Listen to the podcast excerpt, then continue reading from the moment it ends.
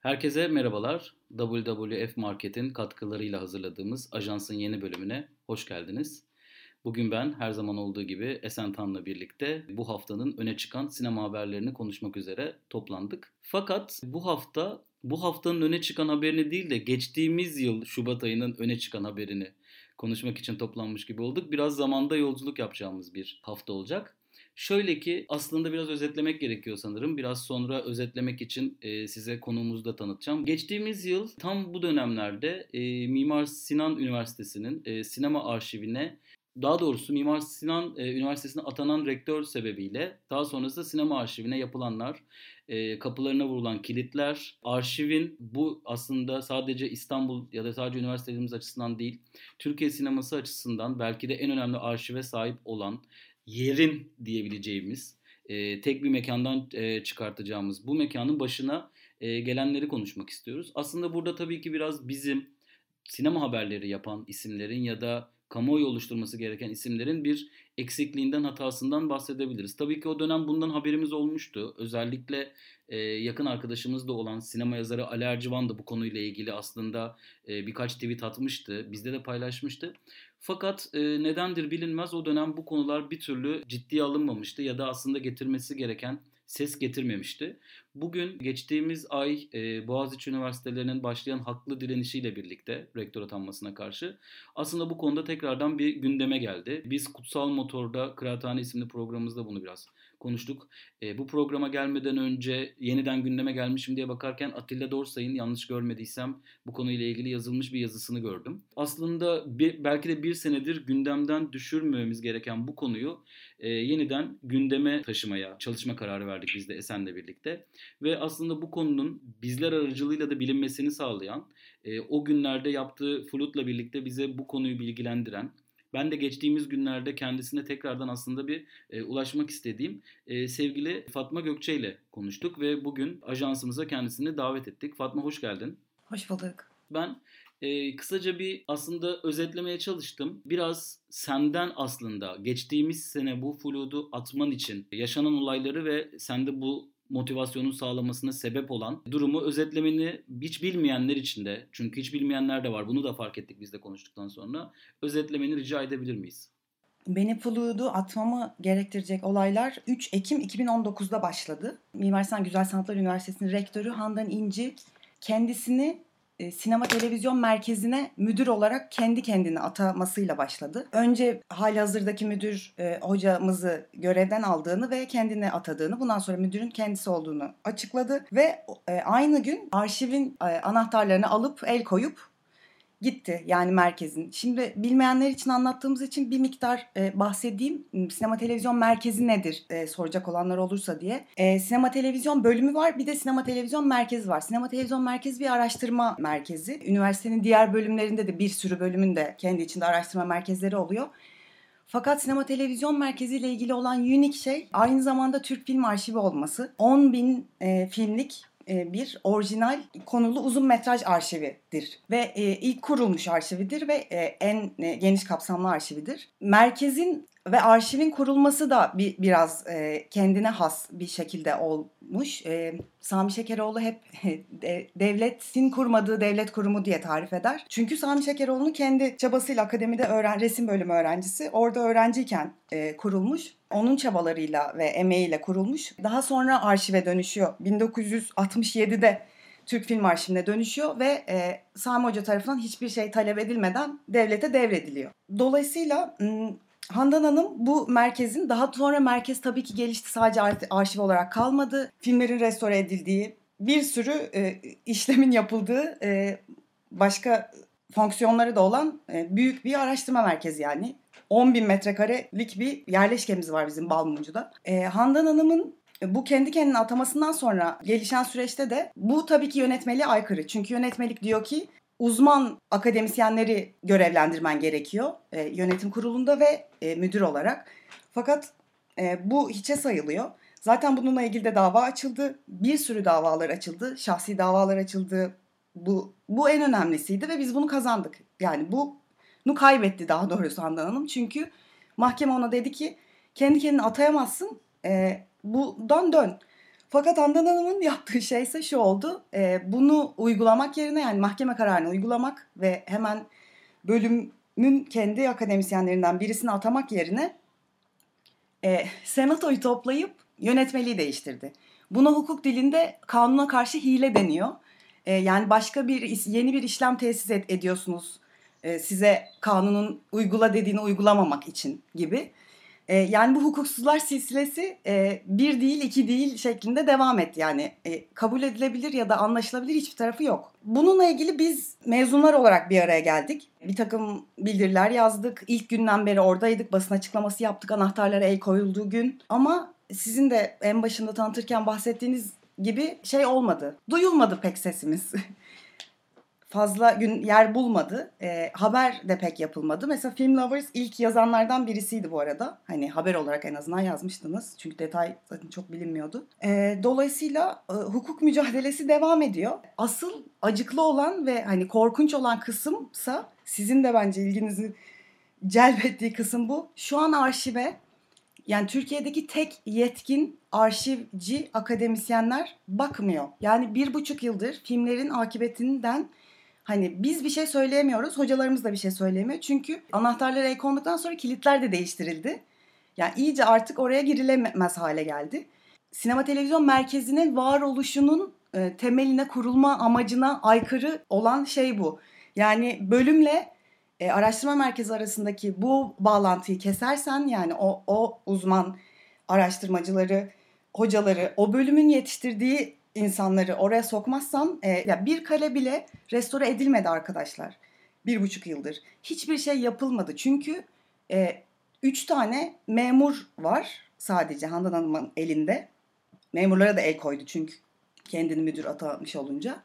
2009'dan bu yana e, üç arkadaş Gurbet Kuşları, Vesikalı Yarim, Muhsin Bey, Sevmek Zamanı, Bitmeyen Yol, Kuyu, Hanım, Kuyucaklı Yusuf gibi onlarca film restore edildi ve bu dijital restorasyonun projesi şu an arşive sokulmayan, merkeze sokulmayan hocalar tarafından yapıldı. Ya yani bu proje bu merkeze ait ve e, şu an atıl durumda. Hatta atıl yani arşiv söz konusu olduğu için sadece atıl olması değil, e, filmlerin akıbeti de hani endişe verici bir boyutta.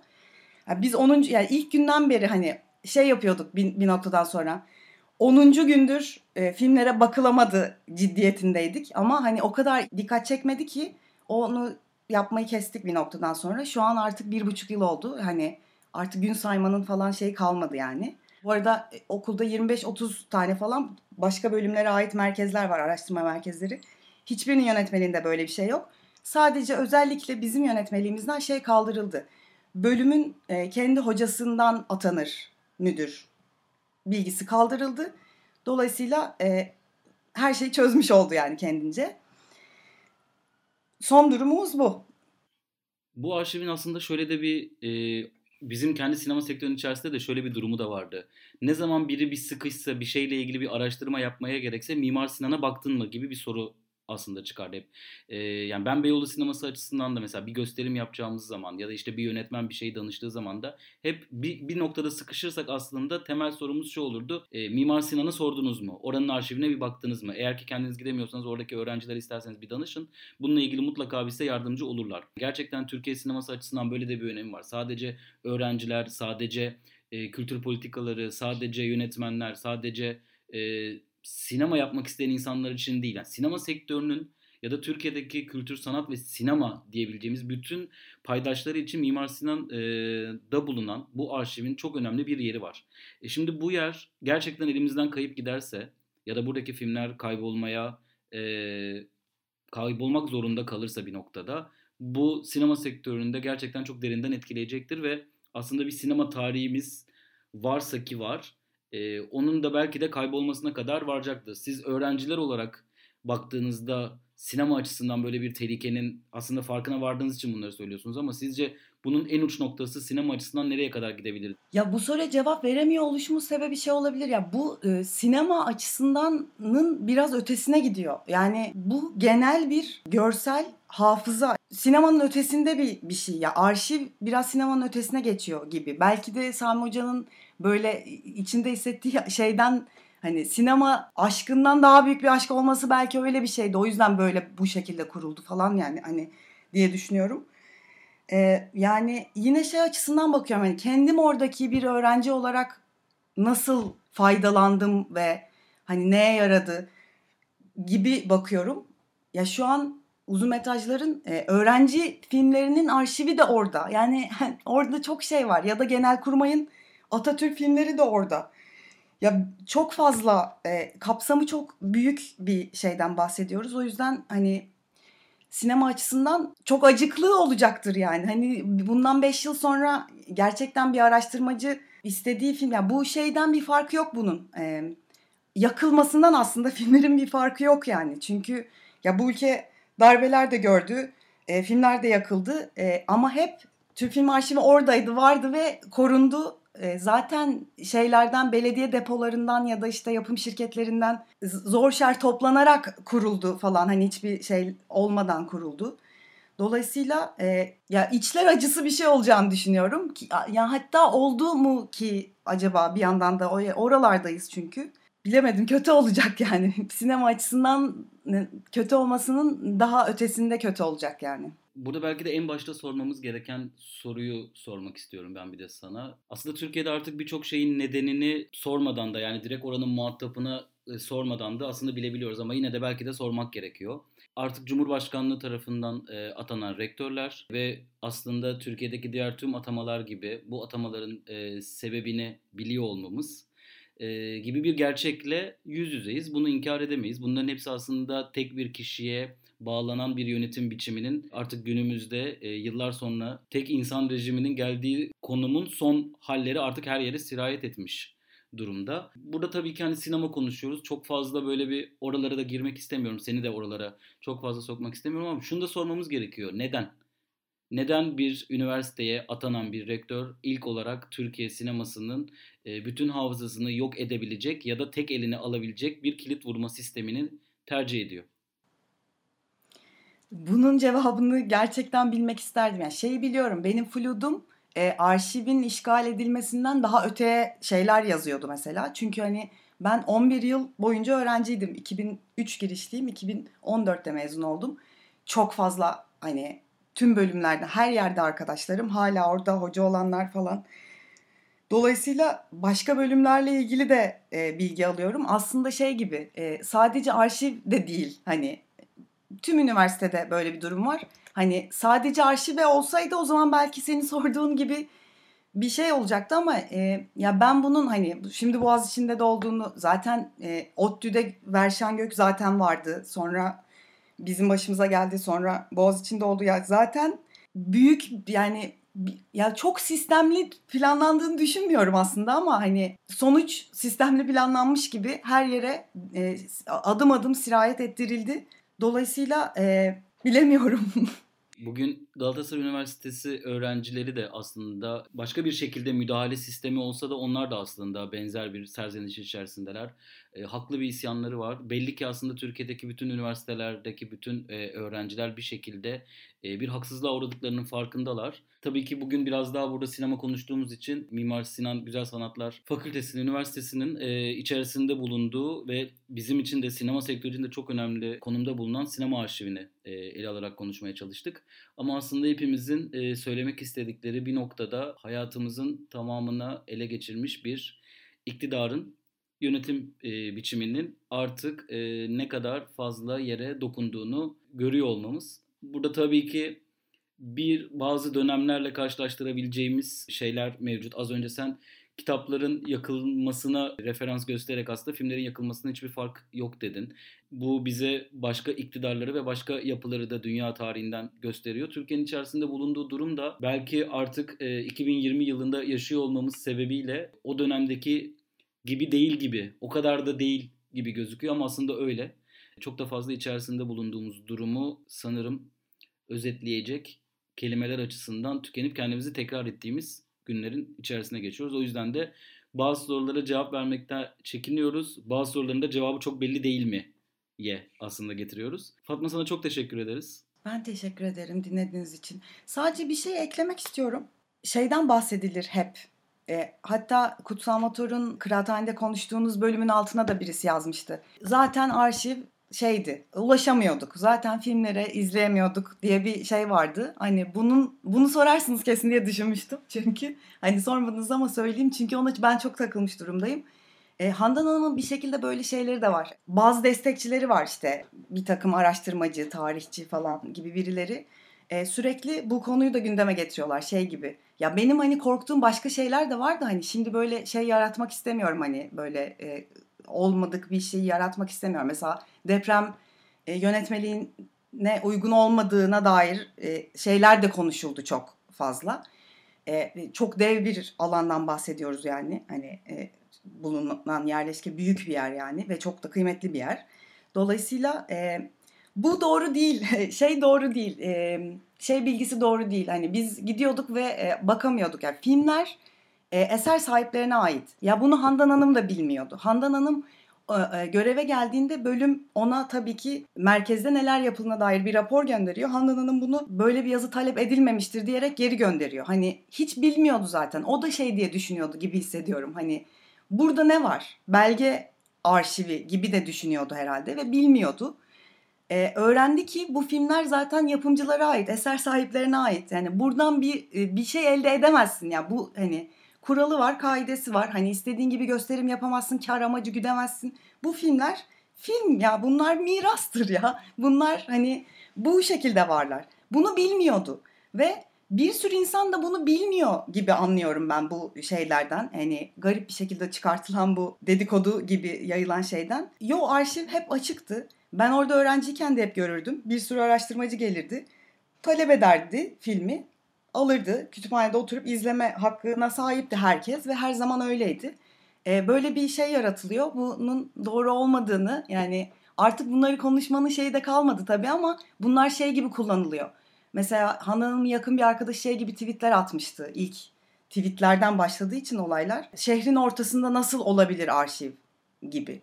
Yani hani niyetleri bu konuşulan ufak tefek e, şeylerden küçük e, noktalardan çıkartıyorum tahmin ediyorum. Dolayısıyla bunları söyle. Zaten hani kapalı bir kutuydu giremiyorduk bakamıyorduk. Ayrıca şehrin ortasında ne işi var? Yok hiç öyle değildi. Şehrin ortasındaydı ve herkes ile, ulaşabiliyordu. Zaten arşivde hani erişim esastır. Arşivin mantığı halka arz edilmiş olmasıdır zaten ve e, FİAF da bunu gerektirir.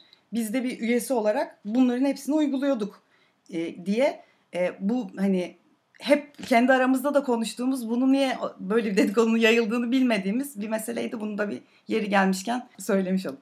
Söylediğini bir aslında bir toparlamak istiyorum. Yani çok kısa bir aslında şey diyorsun e, zaten erişemiyorduk oraya zaten ulaşamıyorduk gibi dedikodular var ve bunların birçoğu da aslında hocanın kendisi tarafından da e, deklare ediliyor. Yani o aslında o bunları böyle konuşulmasını sebep oluyor. Bu dedikoduların yayılmasına sebep oluyor. E, bunlar doğru değil. Ek olarak da aslında burada asıl amaç e, oranın taşınmasını sağlamak mı? Olabilir. Bundan endişe ediyorum ben. Hani bence diğer mezun arkadaşlarım da ediyor. Ya biz zaten hani bu niyeti tam olarak bilemeyiz ama tahmin edebiliriz. İşte bu e, ufak detaylardan yola, çıkarak e, tahminler ediyoruz. Ama aslına bakarsanız yani çok samimi fikrim gerçekten bu kadar takıntılı bir şekilde e, bunun üstüne çünkü ya mahkeme sana bunu yapma dedi artık bundan vazgeçip gerçekten e, oradaki hoca kimse onu atayıp birisini e, artık bu meseleyi kapatması gerekirken e, çünkü zaten başka bölümlerde bir ton başka dertler varken ya atıyorum işte YÖK özel yetenek sınavını kaldırıyorum diyor. E, tekstil için diyor mesela ya da e, grafik bölümü için özel yeteneği kaldırıyorum diyor. Ya biz gidip hiç işin olmayan, alakan olmayan e, şeyle uğraşıyorsun gibi. Ya bunları yapmayışının sebebi sanki böyle içinde bir şey var. O yüzden yakmalar konuşuyoruz ya da işte e, deprem yönetmeliği bilmem ne deyip orayı işte arazimizde e, kıymetli diyor. Ya bilemiyorum. Gerçekten niyetini anlamıyorum. Hani bunun böyle çok aklı selim bir şekilde yaptığını da düşünmüyorum. Şey gibi ya gerçekten bir fark görmüyorum. Melih Bulu'yla bir fark görmüyorum. Hani biz onun herhangi bir icraatını henüz görmedik ama tahmin edebiliyoruz ya. Böyle şeyler olacak. Biz zaten gördük, yaşadık onu. Üzgünüm arkadaşlar, çok üzgünüm. Bunu söyleyerek bitirmek istiyorum. Çok üzgünüm. Hani elimizden ne gelirse yapmaya çalışıyoruz ama hani yarı umutsuz şekilde e, uğraşıyoruz yani. Türkiye'nin son 20 yılının özetine baktığımızda aslında bir şekilde sanki bir takım politik kararlar veriliyormuş gibi gözüküp aslında bunun bir şekilde e, daha sonrasında ticari kararlar olduğunu görebiliyoruz. Özellikle bu taşınmalar, bazı yerlerin yıkılması, taşınması, el konulması, daha sonrasında başka birilerine e, satılması gibi görüyoruz. O yüzden senin söylediğin tahmin de açıkçası dinlerken kulağa hiç de mantıksız gelmiyor. Bu yüzden de belki de evet geçen sene yapılan bir fluttu. Geçen sene siz bunu gündeme getirmiştiniz. Ama belki de olayların başka yerlere varmaması için sürekli olarak bunu gündemde tutmakta fayda var. Çünkü gündemde tutmadığımız anda bir şekilde e, aa bu da elimizden kaydı gitti gibi neye uğradığımızı şaşırabiliyoruz. Biz ne zaman e, gündeme get gelse işte Boğaziçi ile birlikte bir miktar daha gündeme geldi tekrar. Biz ne zaman gündeme getirsek yeni bir e, şey karalama şeyiyle e, Handan Hanım bir hamle yapıyor zaten. Hani önceden ilk başlarda işte Anadolu Ajansı'na bazı röportajlar veriyordu. Şimdi geçen hafta Medyaskop TV'de e, bir haber çıktı. Arşive ilk kez, bütün haberleri de ilk kez giriyoruz diye yapıyorlar. Ee, ama hani defalarca bu haberleri yaptırdı. İşte böyle yıkık, dökük e, bazı görüntüler yani kullanılmayan işte amors olarak sadece hani işlem için kullanılan e, eski filmler, eski kutuların olduğu depolar ya da işte inşaat bekleyen kalorifer dairesi falan gibi böyle bir takım izbe yerlerin e, görüntüleri yayınlanıp e, arşiv bu haldeydi. Yani bu da şeyden sonra oldu. Mahkeme kararı e, çıkınca e, şey gibi ya ben oraya müdahale ettim çünkü orası kötüydü gibi başka bir şeye bağlama. Hani o şey bitti. Hani ben buraya kendimi atadım kafası bitti. E, şimdi başka bir taktik değiştirdi gibi o bir takım karalama e, haberleri yaptırıyor olduğunu düşünüyorum. Bunlar da doğru değil. Mesela 2015 yılında FIAF e, Büyük Kongresini arşivde yaptı yani sinema televizyon merkezinde yaptı.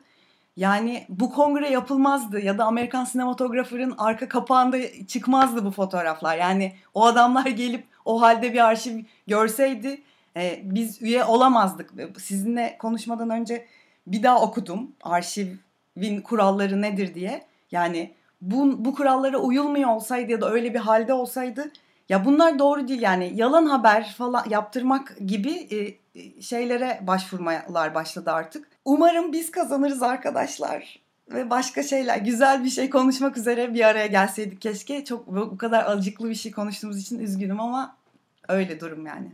Fatma sana bir de aslında şunu sormak e, istiyorum.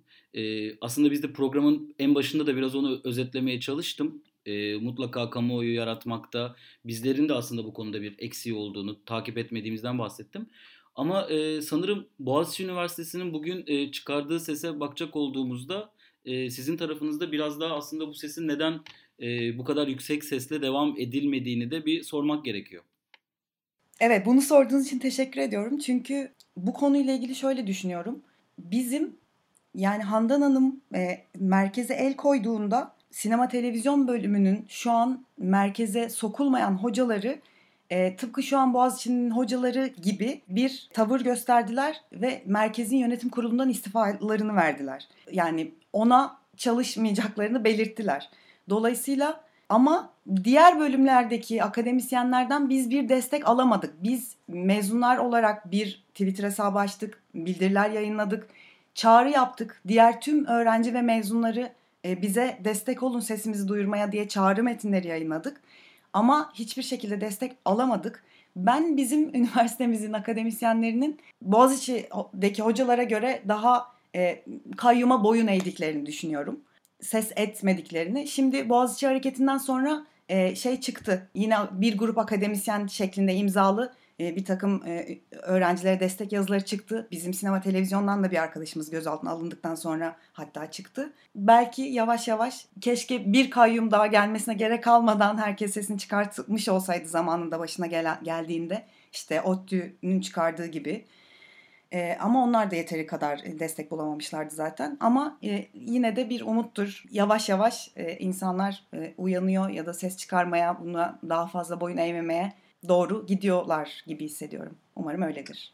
Çok teşekkür ediyoruz. Teşekkürler. Hoşçakalın. İyi bakın kendinize.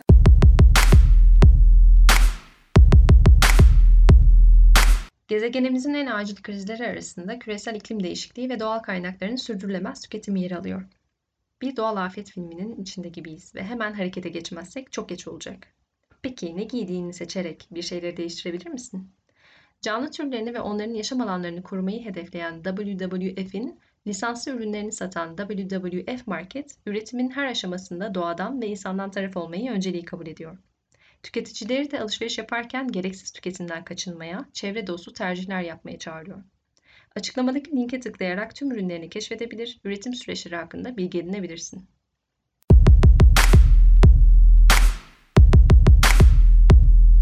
Evet, e, Fatma'yı uğurladıktan sonra biraz da moralimiz de bozulduktan sonra bugün konuşacağımız ikinci habere geçeceğiz. Zaten çok da uzun ve ayrıntılı bir haber değil ama e, enteresan yanları olan bir haber aslında. E, bugün düşen bir haber oldu ve Film Lovers'ta da aslında haberini gördük. Şöyle haberin aslında ana detayı Disney Plus'la ilgili. Disney Plus Avrupa yapımı ilk dizilerini duyurdu.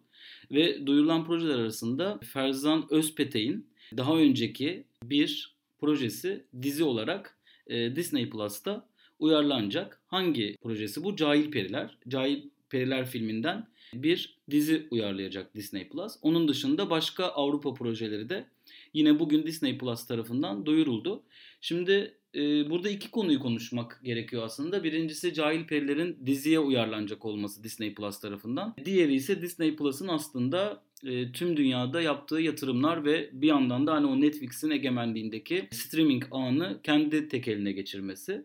E, şimdi istersen bununla ilgili ilk ben bir Disney Plus'ın bu büyümesinden bahsedeyim. Sonra belki sen sen de bir Cahil Periler'in aslında nasıl uyarlanabileceğinden bahsetmek istersin. Şimdi şöyle Netflix'in aslında tüm dünyada bu kadar yaygınlaşmasını sağlayan en önemli girişimlerinden bir tanesi açıldığı her ülkede kendi projelerini yapması. Yani Türkiye'de de Hakan Muhafız'la birlikte başlayan, e, İspanya, Amerika, Brezilya, dünyanın belki de birçok ülkesinde, belki de yayın yaptığı neredeyse her ülkesinde kendi orijinallerini üretiyor olması o ülkelerde de aslında kullanıcıların içeride kalmasını sağlamaya devam ediyor. Belki Amerika'daki e, aslında asıl hedef kitlesi bu dizileri çok takip etmiyor ama dünyanın farklı ülkelerindeki e, kullanıcıları kendi ülkelerindeki içeriklerin de ses getirmesiyle birlikte Netflix kullanmaya devam ediyor. Çok belli ki Disney Plus da Netflix'te arasındaki kullanıcı farkını kapatmak için bunu yapması gerektiğinin farkına varmış ve bugün bu konuyla ilgili yeni projelerini açıkladı. Şimdi Disney'in tabii ki zaten geçtiğimiz günlerde e, çokça gündeme gelen büyüme hızının neredeyse 3 yılda 4 yılda beklenilen büyüme hızını 1 yıl içerisinde gerçekleştirdiğini biliyorduk. Ki dünyanın en büyük stüdyosu, dünyanın en çok içeriği bulunan Star Wars gibi, e, Marvel dizileri gibi zaten şu anda popüler olan her şeyi elinde barındıran bir stüdyonun e, streaming platformunun da kısa süre içerisinde e, lider olabileceğini, geçtiğimiz günlerde biraz önce de bahsettiğim gibi bir anda 95 milyon aboneye ulaştığını açıklamasıyla birlikte bu konuda önümüzdeki yıllarda sektörün lideri olabileceğini konuşuyorduk.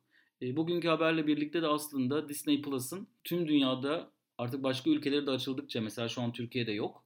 E, daha fazla aboneye ulaşacağını görebiliyoruz. E, açıkçası ben bu zaten biliyorduk Avrupa'da projeler yapacağını ama bu açıklamayla da birlikte artık Disney Plus'ın ilerleyen yıllarda sektörün hem lideri hem de tek lideri olabilecek konuma yani eğer ki kullanıcı sayısı konuşuyorsak yani nitelikten çok nicelikten bahsediyorsak Disney Plus'ın bu konuda lider olabileceğini e, söyleyebiliriz. Tabi Disney Plus'ın en başından beri bazı bizim karşı çıktığımız e, yanları var. Bu da e, çocuklara dair bazı içeriklerin korunacağını söyleyerek aslında en temelden e, sansür mekanizmasının, otosansür mekanizmasının uygulanacağından bahsetmeleriydi. E, içeriklerinde bazı işte bizim içeriklerimizde şunlar şunlar şunlar yer almayacak gibi daha en başından bazı açıklamalarda bulunmuşlardı. Bu konu nerelere gidecek? Bunları ilerleyen zamanlarda göreceğiz. Peki Esen Ferzan Özpetek'in Cahil Perilerinin e, Disney Plus tarafından e, diziye uyarlanacak olması ile ilgili sen ne düşünüyorsun? Ben Cahil Perileri galiba yani 20 yıl olmuş. Ee, şimdi ilk vizyona girdiğimden beri. Ben de o yıllarda falan izlemişimdir diye hatırlıyorum. O rüzgarın estiği zamanlarda izlemiştim ve sonra bir daha izlemedim. Çok da filmi de hatırlamıyorum ama bir mod vardı filmde genel olarak. Ee, devasa bir hayal kırıklığı ve şok yaşayan bir kadın ve bu kadının o evrene bir şekilde bizim son zamanlarda çok da alışık olmadığımız bir şekilde çok böyle huzur ve neşe dolu bir e, şeyle gene angaje olabilmesi üzerine bir filmdi diye hatırlıyorum. Böyle aşağı yukarı. Yani hikayesini aşağı yukarı belki işte tanımlamak gerekirse bir ana karakterimiz var. Bu ana karakterimizin eşi bir trafik kazasında ölüyor. Sonrasında öğreniyor ki aslında kendisini başka bir adamla aldatıyormuş. Yani spoiler vermeye gerek, yani spoiler olarak görmeye gerek yok. Bunu zaten çok temel bir şey. Çünkü filmin so esas sonrasındaki hikaye böyle açılıyor ve bence dizi olarak da yapılabilecek belli bir mod oluşturulabilecek kısmı da o kısmı. Ve ben o zamanlar galiba bir yandan da şeyi de okuyordum şimdi hatırladım. Ee, Neil Gaiman'ın Amerikan Tanrıları kitabında da çok benzer bir şey var aslında mod var. Yani çok tatlı olabilir. Ben hani filmi dediğim gibi çok fazla hatırlamıyorum ama diziye uyarlandığı 8 bölüm olacakmış galiba. İşte şey olabilir böyle sürükleyici bir hikaye ama aynı zamanda da bir şekilde böyle bizi kafamızı dağıtabileceğimiz daha böyle çok acıklı ve trajik bir hikayeyi e, tatlı ve neşeli bir şeye dönüştürebileceğimiz, duygu ve atmosfere dönüştürebileceğimiz bir şey yaratılabilir diye düşünüyorum. Genel olarak Ferzan Özpetek'in zaten modu da öyle e, sinemasında. O yüzden enteresan olabilir. E, ki son zamanlarda hep böyle şeyde konuşuyoruz ya böyle yani sinema mı yoksa dizi mi? E, dizi tam olarak nasıl bir formül? İşte artık herkes film izlemeyi bıraktı ama işte oturup 8 bölümü bir anda bir gecede izleyebiliyor falan filan diye konuştuğumuz böyle binge watching meselelerini konuştuğumuz bir dönemde. Öyle bir tam hani gerçek bir sinema formülüyle yaratılmış bir e, hikayeyi böyle bir de dizi halinde izlemek enteresan olabilir. Belki de karşılaştırma yapmak gerekebilir bu ortaya çıktıktan sonra. Senin tüm söylediklerine ek olarak söylüyorum tabii ki şeyi tartışmıyorum. Hani Disney'de böyle bir dizinin olması, işte dijital bir platformda böyle bir şey izliyor olmak falan. Biz hepimiz sinema salonlarında izledik filmi. Yani şimdi bunu böyle laptop'tan izleyeceğiz ya da elimizdeki televizyondan izleyeceğiz. Nasıl bir duygu olur falan diye belki onu e, dizi yayınlandıktan sonra konuşabiliriz tekrar. E, bugünkü programımızın da bu haberle birlikte sonuna geldik. E, aslında geçen hafta Berlin Film Festivali programını konuştuğumuz bir podcast kaydı almıştık. Fakat maalesef ki bir takım teknik sorunlar sebebiyle bunu yayınlayamadık. Hal böyle olunca bu hafta geçtiğimiz hafta düşen aslında birçok güncel haberi konuşmuş olmamıza rağmen size ulaştıramamış olduk. E, bu haftada e, hem aslında bizim çok kıymet verdiğimiz sevgili Fatma'yı yayına alarak e, konuştuğumuz Mimar Sinan Üniversitesi'nde neler olduğu ile ilgili, e, sinema arşivinde özellikle neler olduğu ile ilgili ve bugün e, son dakika biz yayına bağlanmadan önce Disney Plus'tan gelen haberi konuşmuş olduk. E, önümüzdeki bölümlerde görüşmek üzere. Bizi dinlediğiniz için teşekkür ederiz.